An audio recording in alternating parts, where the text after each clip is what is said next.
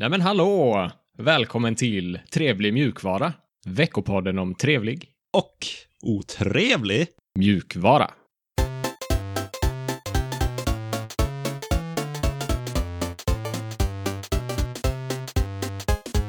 Mitt namn är Sebastian och med mig har jag Alex, som vanligt. Tjena! Tjena! Hur är läget? Det är kallt utomhus och inomhus. Så det... Jag tycker nästan det är lite skönt att det är kallt. Det är bättre att det är kallt än att det är varmt. Ja, Det är en sån opopulär opinion. nej, jag, jag, jag håller med. Men det, jag tror det, den är inte, det är inte populärt att säga så. Men Nej. eh, det är mycket enklare att klä på sig än att klä av sig. Precis, man kan inte, ens, man kan inte fly från värmen när det är för Nej. varmt. Det är hemskt. Precis. Nej, så vi håller på med ett litet eh, brasprojekt här hemma. Ah, spännande. Skorsten och grejer. Ja, vi har ju det. Men eh, ja, det är lite jobbigt att få igång elden så att det tar sig. Ja, just det. Men ni har en skorsten. Det visste jag inte. Nej, vi har, vi har hela, vi har ett system så att säga som blåser ut varmluften runt om på övervåningen.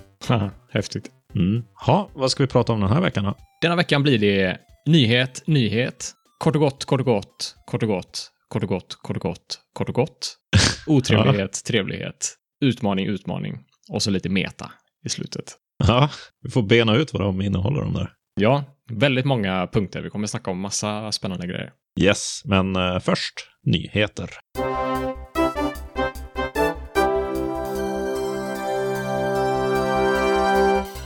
Home Assistant är på tapeten igen och rätten att reparera.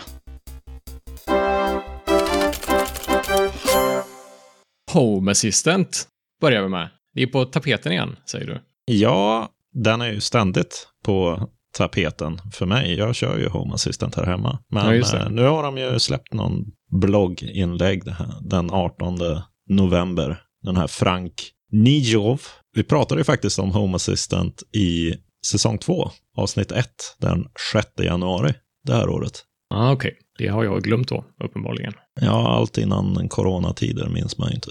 Nej, just det. Så Home Assistant är ju ett alternativ till ja, Samsung Smart Hub och Philips Hue Hub och lite sådana hubbar som kopplar ihop Ah, Okej, ens eh, enheter hemma. just det. Och Google Home är Googles variant av det då. Ja, fördelen med Google Home är väl att man kan prata med den och det är lite svårt med Home Assistant. Mm, okej. Däremot kan man integrera med Google Home och Alexa i Home Assistant. Okej. Så Home Assistant är ju något slags spindeln i nätet av alla prylar man har hemma. Mm. Och det kör jag hemma och det funkar hur bra som helst och är extremt trevligt. Men det står inte still för det. Det har ju släppts en ny version, 0.118. Så de har inte kommit till version 1 än.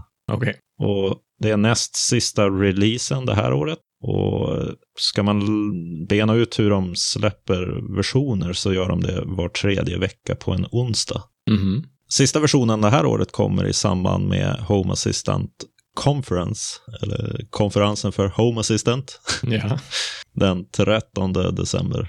Okej, som är en, som en tilläggstjänst eller en ny del av Home Assistant som släpps. Nej, det är väl en ny version som släpps i samband med konferensen bara. Som, Jaha, de har en konferens. Jag förstår. de har en, en riktig konferens. Okej, som okej. Jag trodde det var en produkt. såklart, men ja. Nej, ja, det är ju typ en produkt. Man får ju köpa biljetter till den där konferensen. Okej, ja, jag förstår.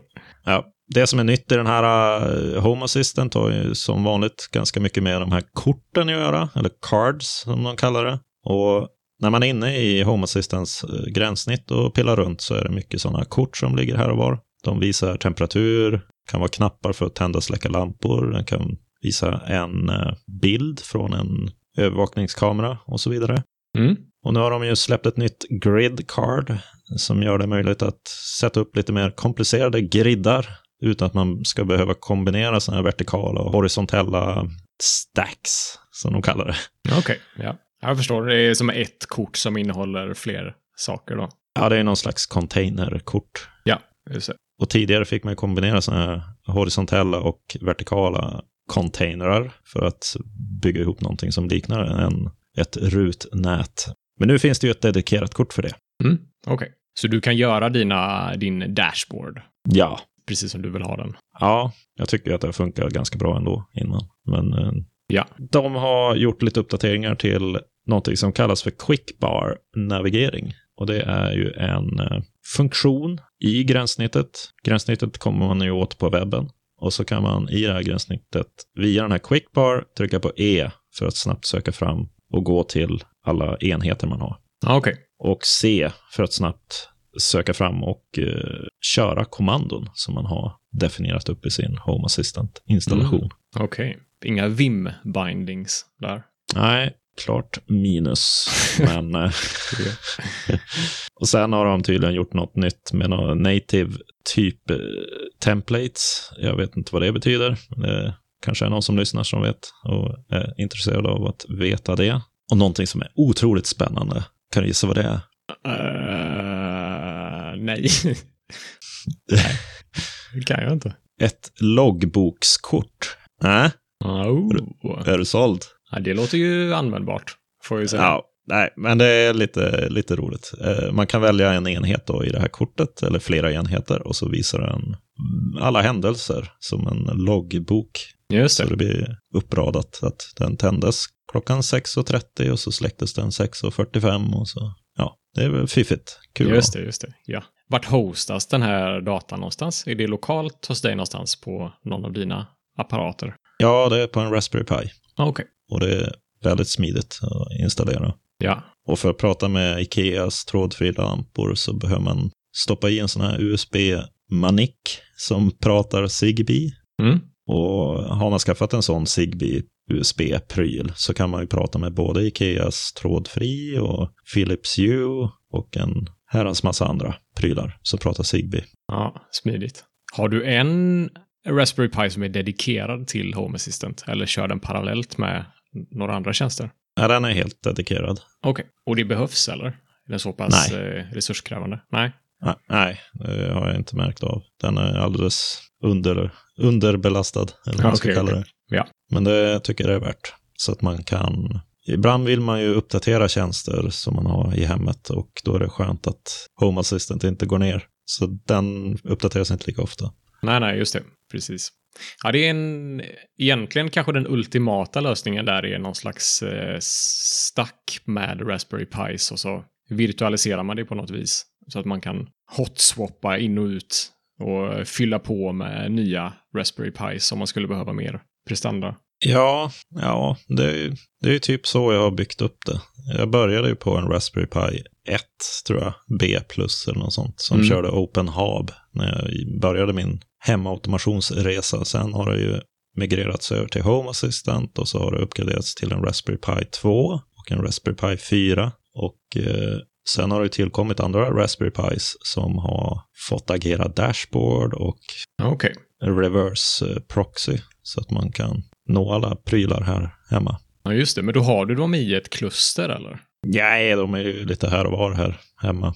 Okej, men de är standalone. Eh, det finns inte något system, något övergripande system som styr alla dina Raspberry Pi-enheter. Nej, nej, det är ingen sån här Kubernetes eh, Nej, just det. som hanterar dem och startar och stoppar och håller på. Utan det är, tanken är att de bara ska gå och gå. Och så Ja. Sen uppdateras de ju separat och så backas de upp separat och har inte varit något problem att byta ut Raspberry Pien som kör Home Assistant till exempel. Ah, Okej, du bara sticker in minneskortet i en ny. Ja, funkar. Precis. Fräckt. Mm. Sen har de gjort lite tillgänglighetsförbättringar också. De har lagt till sådana här ARIA-labels. Det kanske du känner till? Ja, det är jag bekant med. Vad står det för? Ja, det var... Nu satte du mig på pottan. Det vet jag inte vad det står för. Accessible Rich Internet Applications. Står Ah, det för. Okej, okej. Ja. Men det är lite extra information på HTML-element. Så då är ju deras eh, dashboard byggd med HTML då. Ja, ja det är det. Och eh, man surfar ju in på Home Assistant så att det blir ju någon slags HTML där. Jag vet inte, jag har inte kollat exakt vad de kör för Ramverk ramverk. Nej, precis. Nej, Men eh, Men Någon slags webbapp i alla fall. ja, de här tillgänglighetsförbättringarna gör ju att eh, till exempel skärmläsare fungerar bättre också. Just det. Så det är ju trevligt att man tänker på de bitarna. Det är ju det är viktigt. Ja, det är jätteviktigt. Accessibilitet. Ja, det är många som bortser från det. Det är ju tråkigt. Man, eh, det är ju en sån liten procent av alla som kan använda sig av det. Men det gäller ju att vara inkluderande när man bygger Ja. sajter. Ja, det är ju ett- som något kvitto på hur, de har, på hur stora de har vuxit sig också. Mm. De har ju blivit tillräckligt stora för att stöta på de här problemen och försöka lösa dem.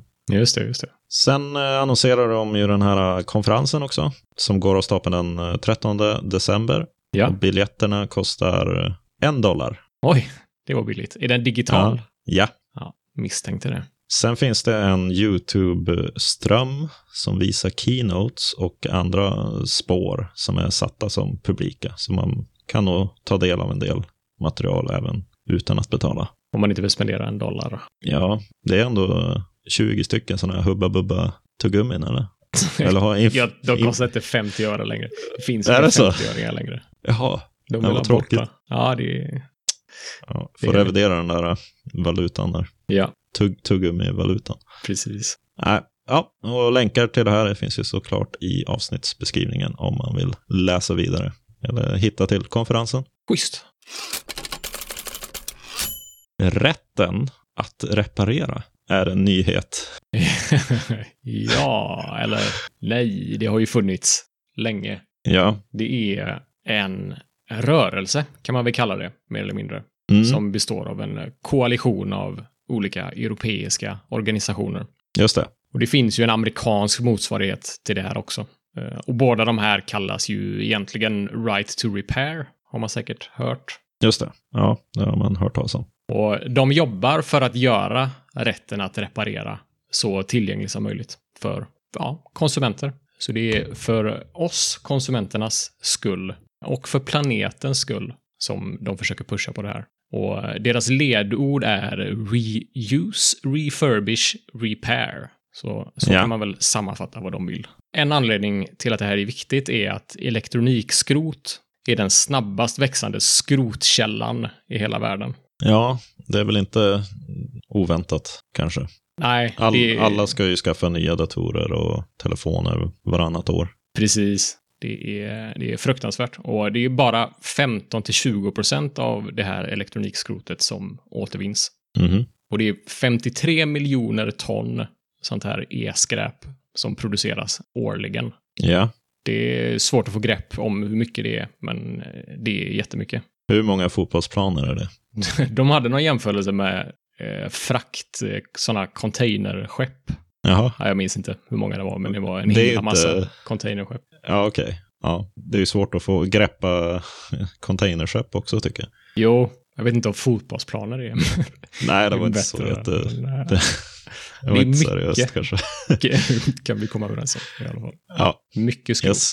Och om konsumenter kan använda produkterna längre så drar man ju ner på den här mängden elskrot. Och det blir mindre konsumtion och bättre för oss konsumenter. Vi behöver inte köpa nya apparater, nya telefoner varje år för att våra gamla telefoner går sönder. ja. Och det, nyheten då egentligen är att i onsdags förra veckan, när det här avsnittet kommer ut, så röstade EU-parlamentet för att fortsätta stödja den här Right to Repair-rörelsen. Ja. Det innebär att de kommer ge EU-kommissionen vidare stöd för att fortsätta arbeta med att öka hållbarheten för elektronik. Och det var 394 delegater som röstade för, 94 som röstade emot och 207 stycken som la ner sin röst. Jaha, Det okej. är lite konstigt att alla inte röstade ja på det här.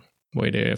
De är lobbyade av Apple, kanske. Ja, det där låter ju... Ja, hade vi haft mer tid då kunde vi åkt dit och göra lite grävande eh, journalistik. ja, ja. Hitta de som röstade nej. Ja, det vet jag inte vilka det var. Nej. Ett problem är att det fortfarande saknas konkret lagstiftning för det här. Så eh, det finns inga konkreta regler och lagar och bestämmelser kring det här, utan det är mer som en generell, en generell riktning som de vill röra sig mot. Men det behövs ju såklart konkreta lagar och regler för att det här ska kunna funka i det långa loppet. Så deras plan är att införa mer sådana här hållbara förändringar det kommande året, 2021. Ja, just det. Och ett förslag som jag tyckte var lite intressant är att de funderar på att införa ett betyg på apparater, eller en score. Mhm. Så de ska få ett eh, betyg, jag antar att det är lite klisterlapp som sitter på apparaten kanske, föreställer jag mig. Ja. Med ett betyg. Den här är 8 av 10 eh, hållbar, eller eh, right to repair-scoren är 8 av 10 på något sätt. Ja. Så att man som konsument vet eh, när man köper apparaten hur, eh, ja, vad man kan förvänta sig. Mm. Ja, det låter ju som en bra idé, kanske. Ja, det kan det vara. Det är ju väldigt svårt att veta annars. Jag menar, ja, svanenmärkt eh, har väl hjälpt lite grann, Mm. till exempel. finns väl andra sådana certifieringar också. Just det. Fairtrade. Just det, just det. Precis. Ja. Eh, något man måste nämna här är Apple, för de har varit motståndare till den här right to repair-rörelsen. Framförallt när det kommer till deras egna produkter såklart. Ja. Jag misstänker att det är för att de tjänar mycket pengar på sina egna reparationer. Ja. Det, Så de har ju en sån här en genius bar dit du kan gå för att få hjälp. Och om de inte kan lösa problemet där så skickar de den till sina reparatörer och så får man betala jättemycket pengar för att få sin eh, Macbook eh, reparerad. ja. det hänger ihop lite med han, nu glöm, har jag glömt vad han heter. Är det Eh, Louis Rossman? Ja, han? Exakt. Tänkte faktiskt nämna honom här. ja, han är ju ständigt arg på... Han är ständigt arg. Han är jättearg på Apple. Han driver ju en, någon slags eh, reparationsshop i New York. Men han är ju också en, en YouTuber, så han släpper massa videos där han försöker beskriva hur man lagar vanliga fel till exempel. Eh, ofta på Apple-produkter. Ja, Och han är också väldigt driven, som du säger, i den här right to repair-frågan i USA. mm. Eh, han har varit och snackat i kongressen och ja, försöker lobbya själv för att det ska bli bättre för konsumenterna. ja, Och det värsta är att han får inte reparera vissa saker när det kommer till Apple-produkter. Även om han kan så får han inte rent lagligt. nej. Och det är Ja. ju jättedumt såklart. Så ska det inte vara. Nej, det är ju...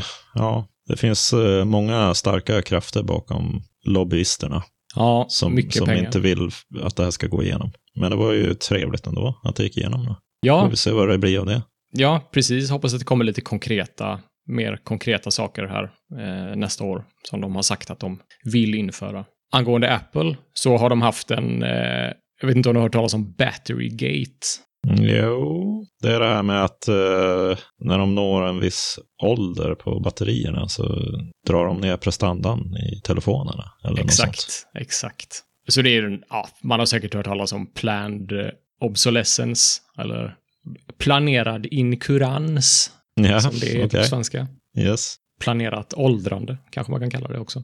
Men de blir ju åtminstone stämda på 500 miljoner dollar för att de gjorde precis det som du sa. Saktade Ja. ner gamla iPhone-modeller. Och de Det är ju- förlorade ju den här stämningen. Ja, men det är ju parkeringspengar för dem. Ja, det är det. Verkligen. Mm. Yes, så, så ser det ut. Vi eh, hoppas på den här rätt att reparera-rörelsen. Ja, vi får ju stå på oss lite. Eller heja på dem åtminstone. Ja, definitivt. Ja, ska vi titta på vad som eh, hänt i övrigt? Lite kort och gott. Ja, kort och gott. Nu kommer det gå undan. Håll i hatten. ja, håll i hatten. Google Fonts integration i Font Manager. Ja, Oh. Google Fonts vet jag vad det är och Font Manager är väl något program som man kan köra på Linux, tror jag. ja, det kan man. Det finns ju inte jättemånga font managers på Linux. eh, Men det finns en i alla fall, Ja. som jag känner till. Och den heter Font Manager.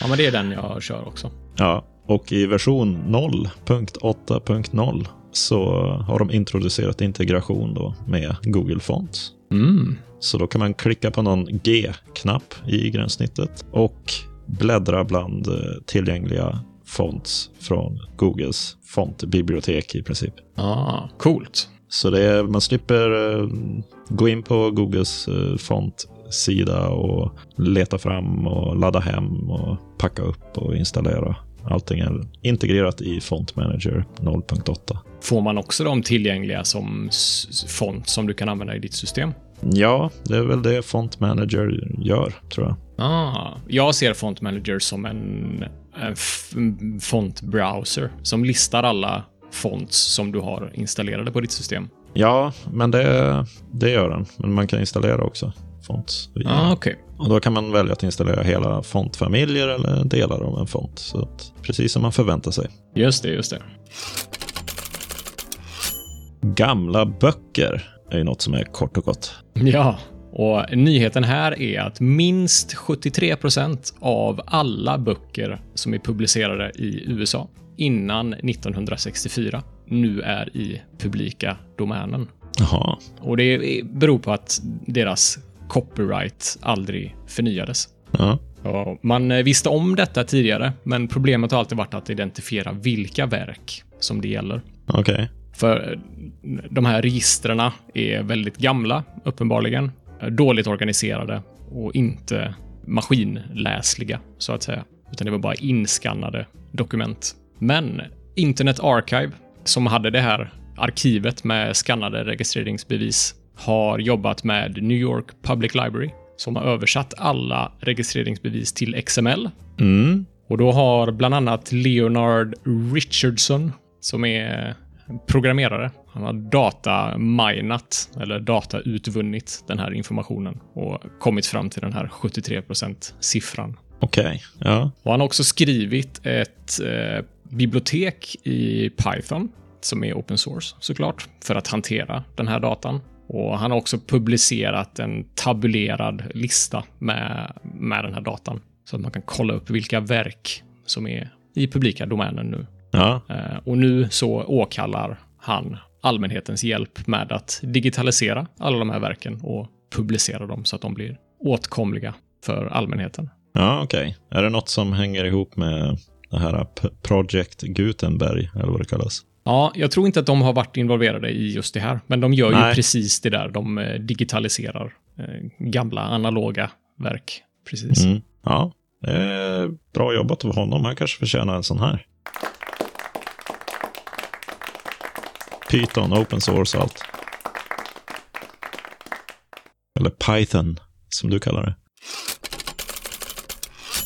Plasma Big Screen Beta 2. Jajamän. Vad är Plasma Big Screen för något? Det är plasma-gränssnittet fast anpassat för en stor skärm. Typ mm. en tv-skärm. Ah, coolt. Mediacenter. Ja, man anpassar sin, sin dator. Man får ett mediacenter-gränssnitt till sin dator i princip. Mm. Så det har ju kommit då en ny beta-image för eh, Raspberry Pi 4 och den innehåller kärna 5.4 och det baseras på KDE Neon som mm. i sin tur är baserad på Ubuntu 20.04. Och man har infört stöd för KDE Connect. Sen har man uppdaterat Mycroft Core till 2008 och så har man fixat till lite bättre integration i gränssnittet med Mycroft. Mm. Så KDE Connect är ju att du kan styra din dator via mobilen.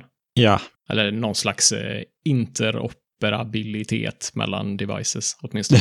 ja, så eh, borde du kunna typ eh, sätta på ett nytt avsnitt av din tv-serie via mobilen då. Ja, man kan ju pausa och skippa och hålla på med Just mobilen det. på KDE Connect. Och det är ju tvåvägs, så man kan ju titta på filer i mobilen via KDE Connect på datorn också. Just det, just det. Och Mycroft är ju röststyrning va? Ja, eller ja, hela hela biten med både röststyrning och intelligensen där bakom, där man kopplar ihop rösten med någon, någon handling eller något logiskt. Just det. Ja, häftigt. Det känns som att det finns mycket potential med just de två tjänsterna och eh, Plasma Big Screen, ett sånt mediacenter. Ja, ser vi fram emot när det inte är beta längre. Jag har inte testat det. Jag kanske får... Mina, alla mina Raspberry Pi 4 är, är, är upptagna med annat. Okay. Yeah. Ja. AVS slockade. Slocknade. Jag stavade fel. ja, AVS slocknade då. Ja, AVS är ju Amazons molntjänster, samlingsnamnet för dem. Ja, dog hela AVS eller var det... Det låter ju otroligt, för det är ganska många ställen då. Ja, de har, det var en av 23 geografiska regioner som slocknade. Så det var östra delen av USA som blev påverkad. Aha, okej. Okay. Och det var under flera timmar på onsdagen förra veckan Och det var ju en massa webbsidor och appar som påverkades såklart. Eh, Alla har ju inte fallbacks, utan vissa beror ju till 100% på den här US, US East-regionen då. Så de Ja. slutade fungera. Så det var One Password, eh, lite Adobe-produkter, Autodesk, Flickr, Coinbase, Pocket, Mozillas Pocket, Mhm. eh, med flera, med flera, som gick ner. Okej. Ja. Nextcloud eh, twittrade, eh, lite roligt, när det här hände, att eh, hashtag self-hosting is better. Det är klart. De eh, tar ju varje chans de får att attackera de Ja. molntjänsterna. Sprida sin eh, propaganda. Ja, Eh, och det var också andra användare på Twitter som, det var någon som sa att de inte kan dammsuga när ABS ligger nere. Jag vet inte om det var ett skämt eller om det var på riktigt. För De ja, här robotdammsugarna kan ju eventuellt vara kopplade till någon slags molntjänst. ja skulle inte förvåna mig i alla fall. Det var någon som sa att hans ringklocka slutade fungera också. Och det kan jag, det kan jag nog tro. Det stämmer nog. Ja, Amazon har ju sin egen ringprodukt. Exakt, exakt. Och då gick AVS ner och så slutade hans ringklocka fungera. Det är lite lustigt, tycker jag. Ja, inte, inte klockrent. Nej. Nej, inte ringklockrent. Nej, det klipper jag Ja, bort. Jag ber om ursäkt. nej den, får, den får vara kvar tror jag. Nästa! Datormagasin. Retro BBS. Jajamän, jag gillar att du fick in det där Z. ja, datormagasin. Ja. Vad sistas? Mellan eh, 91 och 95, där, då hängde ju du på Datormagasins populära BBS, eller hur? Nej, det gjorde jag inte. Jag vet knappt vad en eh, BBS är för någonting. Ja. Ja, det var tydligen en av landets eh, största BBSer. Okej, men det är något slags eh, gammalt forum. Ja, det är någon gammal forumteknologi. Ja. Och Datamagasin är ju en gammal eh, tidning som tyvärr har gått, gått under. Men eh, en gång per år så kommer det något slags datamagasin retro. En tidning som skickas ut. Ja. Ja, precis. En fysisk riktig tidning. Man kan köpa. De kör ju en liten sån här eh, folkfinansierad kampanj. Okej. Och beroende på vilken nivå man väljer så kan man få lite t-shirts och ja, en musmatta tror jag till och med. Mm. De här eh, grundarna till Retromagasinet bestämde sig 2017 för att eh, i retroanda starta upp en ny BBS. Och för att komma åt den så behöver man använda Telnet eller SSH. Mm. Och så ansluter man till dmzbbs.se på port 23 eller 2323. Okej. Och så är det bara att följa instruktionerna där för att skapa en användare. Lite eh, intressant. Ja, det är häftigt. De har ju en hemsida också som är samma. dmzbbs.se. Ja, Och där står det 1991 till 1995 och sen 2017 till frågetecken. Då är Mm. återupplivad och eh, han kommer leva i all evighet nu, kanske. Det är lite roligt. Kul att de satt upp en sån gammal. Man får ju titta in i, titta bak i tiden. Ja, vi kanske borde utbilda oss i hur BBS fungerar. Ja, vi får se. Sabayon och Funto, eller Fantu, går ihop. Och det är Christer i Telegramkanalen som tipsar oss om, om det. Vad är det här? Det låter som två hårdrocksband som har gått ihop till ett stort Ja. Ja, det är faktiskt Linux-distributioner Ah. som eh, baseras på Gentoo. Ah, därav Fun2. Jag förstår. Mm. Så nu har de slagits ihop, eller är på väg att slås ihop. Fanto är ju lite intressant, för den leds av Daniel Robbins, som Mhm. ursprungligen skapade Gentoo. Ah, okej. Undrar varför han inte fortsatte på Gentoo. Han hade kanske en annan vision. Han ville att det skulle vara mer eh, roligt. Tror, tror du Gentoo inte är så roligt? Jag tror Fun2 är ju roligare än Gentoo. Ja, nu förstår jag vad du menar. Ja, det var lite roligt. Nej, det är- Du är on fire idag. ja, det är jag verkligen. Ja, härligt. Nej, det var lite, lite för trevligt. Ska vi ta och kika på någonting eh, otrevligt för en gångs skull? Ja, det gör vi. Amazon. Ja, det är Amazon som är i blåsväder här i Trevlig mjukvara. Ja, och de har en trottoar. Ja, en eh, ny produkt, Amazon trottoar, eller Amazon Sidewalk. kanske man ska kalla den. För det är det den Okej. heter. Ja. Eh, Det var ett mail som skickades ut från Amazon nyligen om att aktivering kommer att ske i vissa regioner och de kommer börja med utrullningen i USA. Och Okej. det är Amazon Sidewalk som är deras nya coola funktion som finns i Amazon Echo som väl är deras eh, sådana här smarta assistenthögtalare som man kan prata med. Aha. De beskriver det själva som ett delat nätverk som hjälper apparater att fungera bättre. Lite löst översatt. Aha. Enkelt förklarat så förstår jag det som att de använder andra sådana här Amazon eller Sidewalk-nätverk i en mesh Ja. för att hålla apparater uppkopplade eh, längre. Garantera uppkopplingen för apparater. Om apparaten rör sig utanför ditt nätverk eller om den förlorar kopplingen till ditt nätverk på något sätt så ska den kunna falla tillbaka på ett annat nätverk som finns i grannskapet i närheten.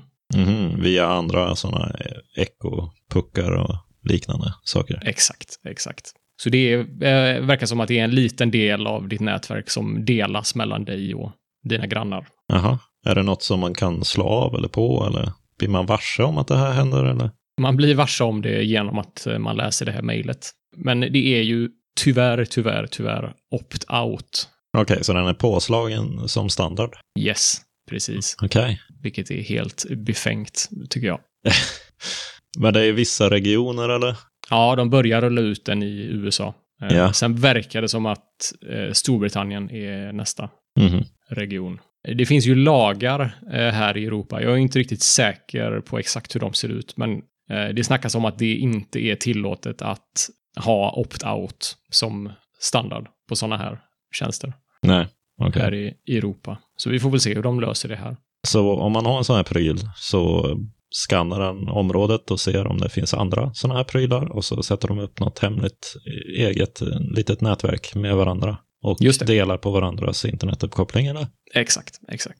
Okej. Så det är bland annat sådana här ringapparater. Eh, och det nämnde vi ju lite tidigare i avsnittet. Det är ju deras ringklocka. Ja. som har en kamera inbyggd i sig. Just det. Eh, Så den ska kunna använda sig av Amazon Sidewalk-nätverken. Eh, Och de har också tydligen objektspårare, eller husdjursspårare. Så jag antar att det är en liten tagg du kan sätta på ditt husdjur, eller på din bil, eller var, vart du nu vill sätta den. Eh, Och så kan man spåra hunden om den springer bort, till exempel. Ja. Vad, vad säger de att det här är bra för? Det är de, deras, som jag förstår det, så vill de att apparaterna ska ha eh, bättre garanterad uppkoppling, helt enkelt. Så din ringklocka riskerar inte att tappa uppkopplingen. Mm. Och du kan ja, tracka din hund genom hela kvarteret nu, istället för bara i din egen trädgård. Aha, okej. Ja, nej, men det handlar om att hålla apparater uppkopplade Ja. med, längre, helt enkelt. Ja. Och tydligen så läste jag att Comcast, eh, våran favorit internetleverantör, som alltid får eh, så bra recensioner av sina användare. Ja. Det är en, eh, en tung sarkastisk underton här, Ja. om man inte märker det. Eh, De gör detta med sina routers redan, tydligen. Jaha, men då är det ju okej. Då, då är det lugnt. Det bara köra på. Ja. Vad är problemet? Något annat läskigt eh, med det här, eller, konstigt kanske, är att trådar som har publicerats på Reddit angående det här har tagits bort mystiskt flera gånger. Jaha. Så jag vet inte om det är någon, eh, om Amazon pushar Reddit att eh, ta bort det här för att det är dålig publicitet för dem. Det har liksom inte kommit någon förklaring till varför de här trådarna tas bort, varför man inte får diskutera det här. Ja, nej, det får väl... Någon får väl ta på sig foliehatten och gå in och undersöka det där. Ja, det är många som gör. Ja. Här i avsnittsbeskrivningen så har vi en länk till removereddit.com som är ja, alla trådar som har tagits bort från Reddit sparas ju såklart eh, av någon tjänst, Ja. bland annat den här Remove Reddit. Snacket på nätet som man kan läsa i den här borttagna tråden på Reddit. Folk tycker att opt-out är ett jättedåligt alternativ. Ja. Det hade nästan varit okej om det hade varit opt-in. Ja. Varför fortsätter företag att göra tjänster opt-out? Är, jag gissar ju att ingen skulle vilja ha det här om det var opt-in. För att det finns ju ingen riktig super-USP för dig som användare. Nej. Är ju, de, de vinner ju på det här väldigt mycket. Amazon gör det Ja. definitivt. De säkrar ju sina insamlingsmaskiner där ute. Precis, precis. Andra tycker att folk är för paranoida. Ja, Så jag läste för första gången den här, en term, technology paranoia, som någon myntade där i kommentarerna. ja, Och de säger att eh, ja, konceptet eh, verkar säkert och antagligen så är det inga problem. Men Okej. det är ju stängd kod, man har ingen aning. Nej, det låter ju... Det finns ju massor med vektorer där som man inte kan kika in i hur det funkar. Liksom. Just det. Nej, jag köper inte riktigt att det ska vara säkert. Hur kan han hävda att det är säkert utan att ha sett kod och sånt? Jag vet inte. Han är väl köpt kanske. Ja. Ingen aning. Eh, ja, men öppna koden, gör den opt-in, så har jag inga problem med det. Då kan vi snacka om det. Ja, precis. Ska vi ta och eh, kika på något lite trevligare? Ja, det tycker jag. Något eh, lite eh, vimmigt kanske?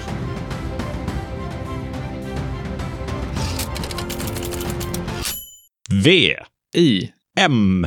streck Easy Motion. Vad är det för någonting? Vim Easy Motion. Det är ytterligare ett tips om ett plugin till Vim. Ja, och det är ju någonting jag har sett att du har i din config som jag har varit lite nyfiken på. Ja, Och så har jag ju gått in på deras GitHub och de har ju såklart sådana här giffar som visar hur det funkar. just det. Men eh, jag fattar inte riktigt. Nej, Vad, vad är grejen? det är väl ett plugin som hjälper dig att hoppa till rätt position i din kod. Så Vim har ju en massa inbyggda, du kan trycka på W för att hoppa ett helt ord framåt, eller HJKL för att hoppa mellan rader eller kolumner i din kod, i din text. Yes. Eh, Men det här Vim Easy Motion ska göra det enklare och snabbare att komma precis dit du vill. Okej. Så det kan användas på flera olika sätt. Men jag tänker att jag beskriver sättet jag använder det på först och så kan vi utforska vad den mer har för, eh, för features sen. Mm. Så jag har ett kortkommando. Space S har jag bundit det till. Och när jag trycker på Space S så får jag möjlighet att skriva in ett tecken. Skriver jag in Mhm. eh, K till exempel. Och då slocknar eller dimmas hela koden. Och så highlightas eller tänds alla, alla K i min kod upp.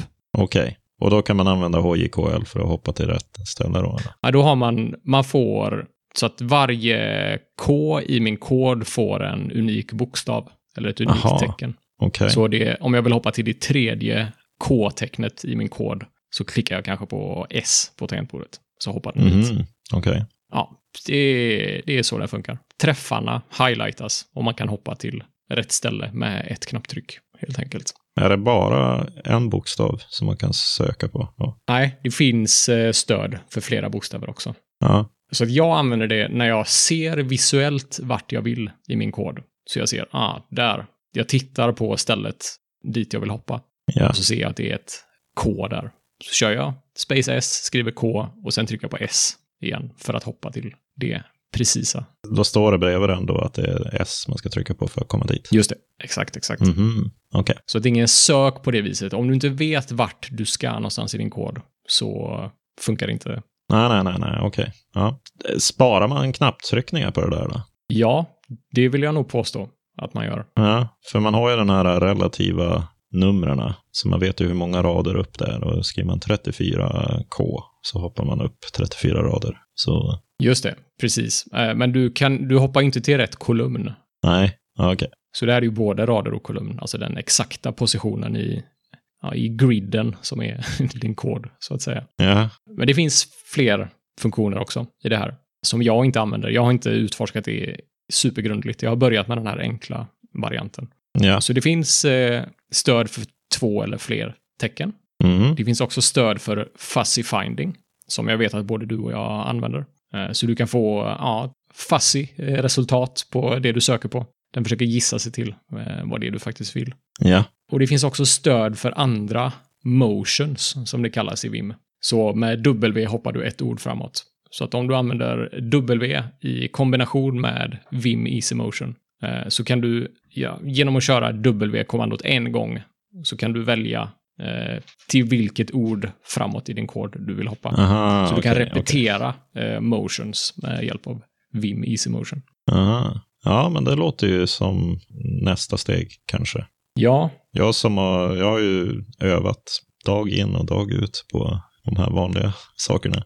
ja precis. Ja, det känns nästan lite som att man fuskar när man använder det här pluginet. Ja, För man kan ju bara strunta i ja, alla motions och köra det här pluginet istället. ja, Men Ja. det finns ju ingen... Man är ju inte bättre för att man använder... färre plugins. Nej, nödvändigtvis. Ja, man är ju lite bättre. Eller? Ja, elitist eh, Alex som kommer fram nu. Vim-elitisten. Nej, jag ska, jag ska nog installera och prova det faktiskt. Ja, det tycker jag. Det man kommer in i det väldigt snabbt. Eh, Jag tycker det är lite roligt att kunna hoppa vart jag vill. Det känns, Ja. känns coolt. Jag gillar det. Bra tips. Får jag Ja. kika på det här. Ja, det tycker jag.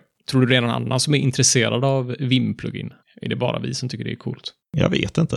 Eh, Det, lyssnarna får ju gärna ge lite feedback på om de håller på att somna på de här. Ja, det tycker jag. Och vi har ju också kapitel i vår podcast nu. Så eh, hatar man eh, den här typen av nyheter så kan man ju faktiskt skippa till nästa kapitel. Ja, helt okej.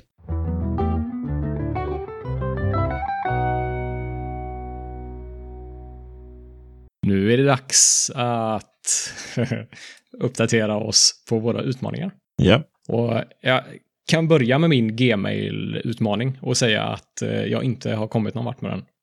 Jag har Nej. haft en massa andra saker att göra. Så att min sidequest att byta från Gmail till Protonmail kommer att har eh, uppgraderats skjutas. till en main quest. ja, eller en ignorerad sidequest.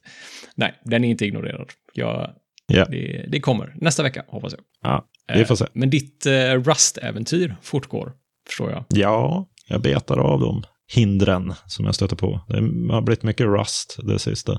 Mm. Jag försöker få till en backend på den där som eh, kan göra något vettigt. Och det börjar närma sig. Och jag har ju bland annat stött på det här WebP-bildformatet Just det. som betydligt mindre när man jämför det med JPEG till exempel. Ja, du skickade något, eh, en testbild, en i, som var, hade JPEG-encoding och en som hade WebP-encoding. Ja, Och det var ju, vad var det du sa, 80% mindre var WebP-bilden. ja den eh, WebP-bilden var 3 kilobyte och den JPEG var 23 kilobyte. Mm. Det är en jäkla skillnad. Ja, och jag tänker att det, det ska man ha. Det ska vara litet och effektivt. Så då nu genererar den WebP-bilder. Det är lite häftigt. Den konverterar bilderna till WebP, eller? Ja, man anger ju någon slags mapp än så länge som den ska skrubba igenom. Hämta upp vilka bilder som finns där och sen så tar den och processar de bilderna och konverterar dem till lite olika storlekar och sparar dem till WebP nu. Okej. Det börjar närma sig någonting att man kan visa någonting. Ja, häftigt. Lite luddigt, men eh, det är kul. Ser jättemycket fram emot det.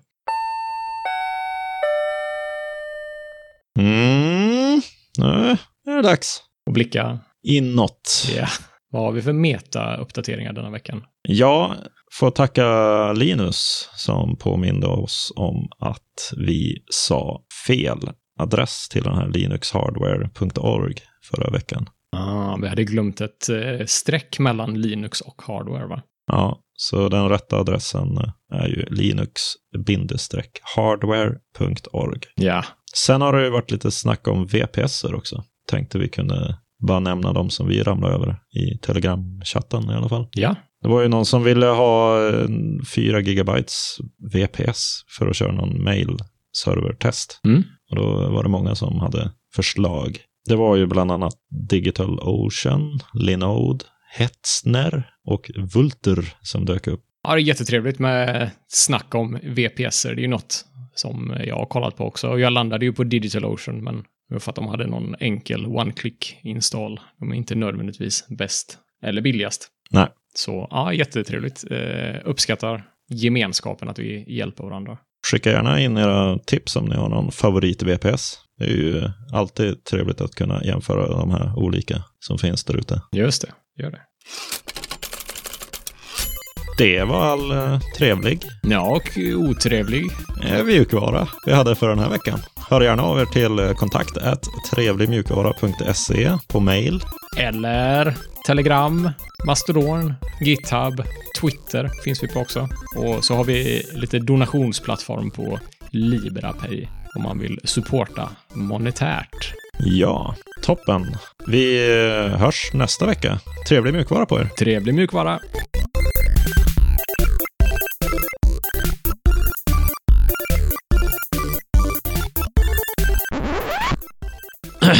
Herregud vad det här verkar... Det är så otroligt tråkigt. Nej, det tycker jag inte. Sabayon, eller hur uttalar man det här? Sabayon och eh, Förtun... Förtunt... Förtunto. Fun... Funto. Ja. V. I. M. Vad blir det? Va? Jag var inte klar. Nej, okej. Du ville bokstavera hela Vim Easy Motion.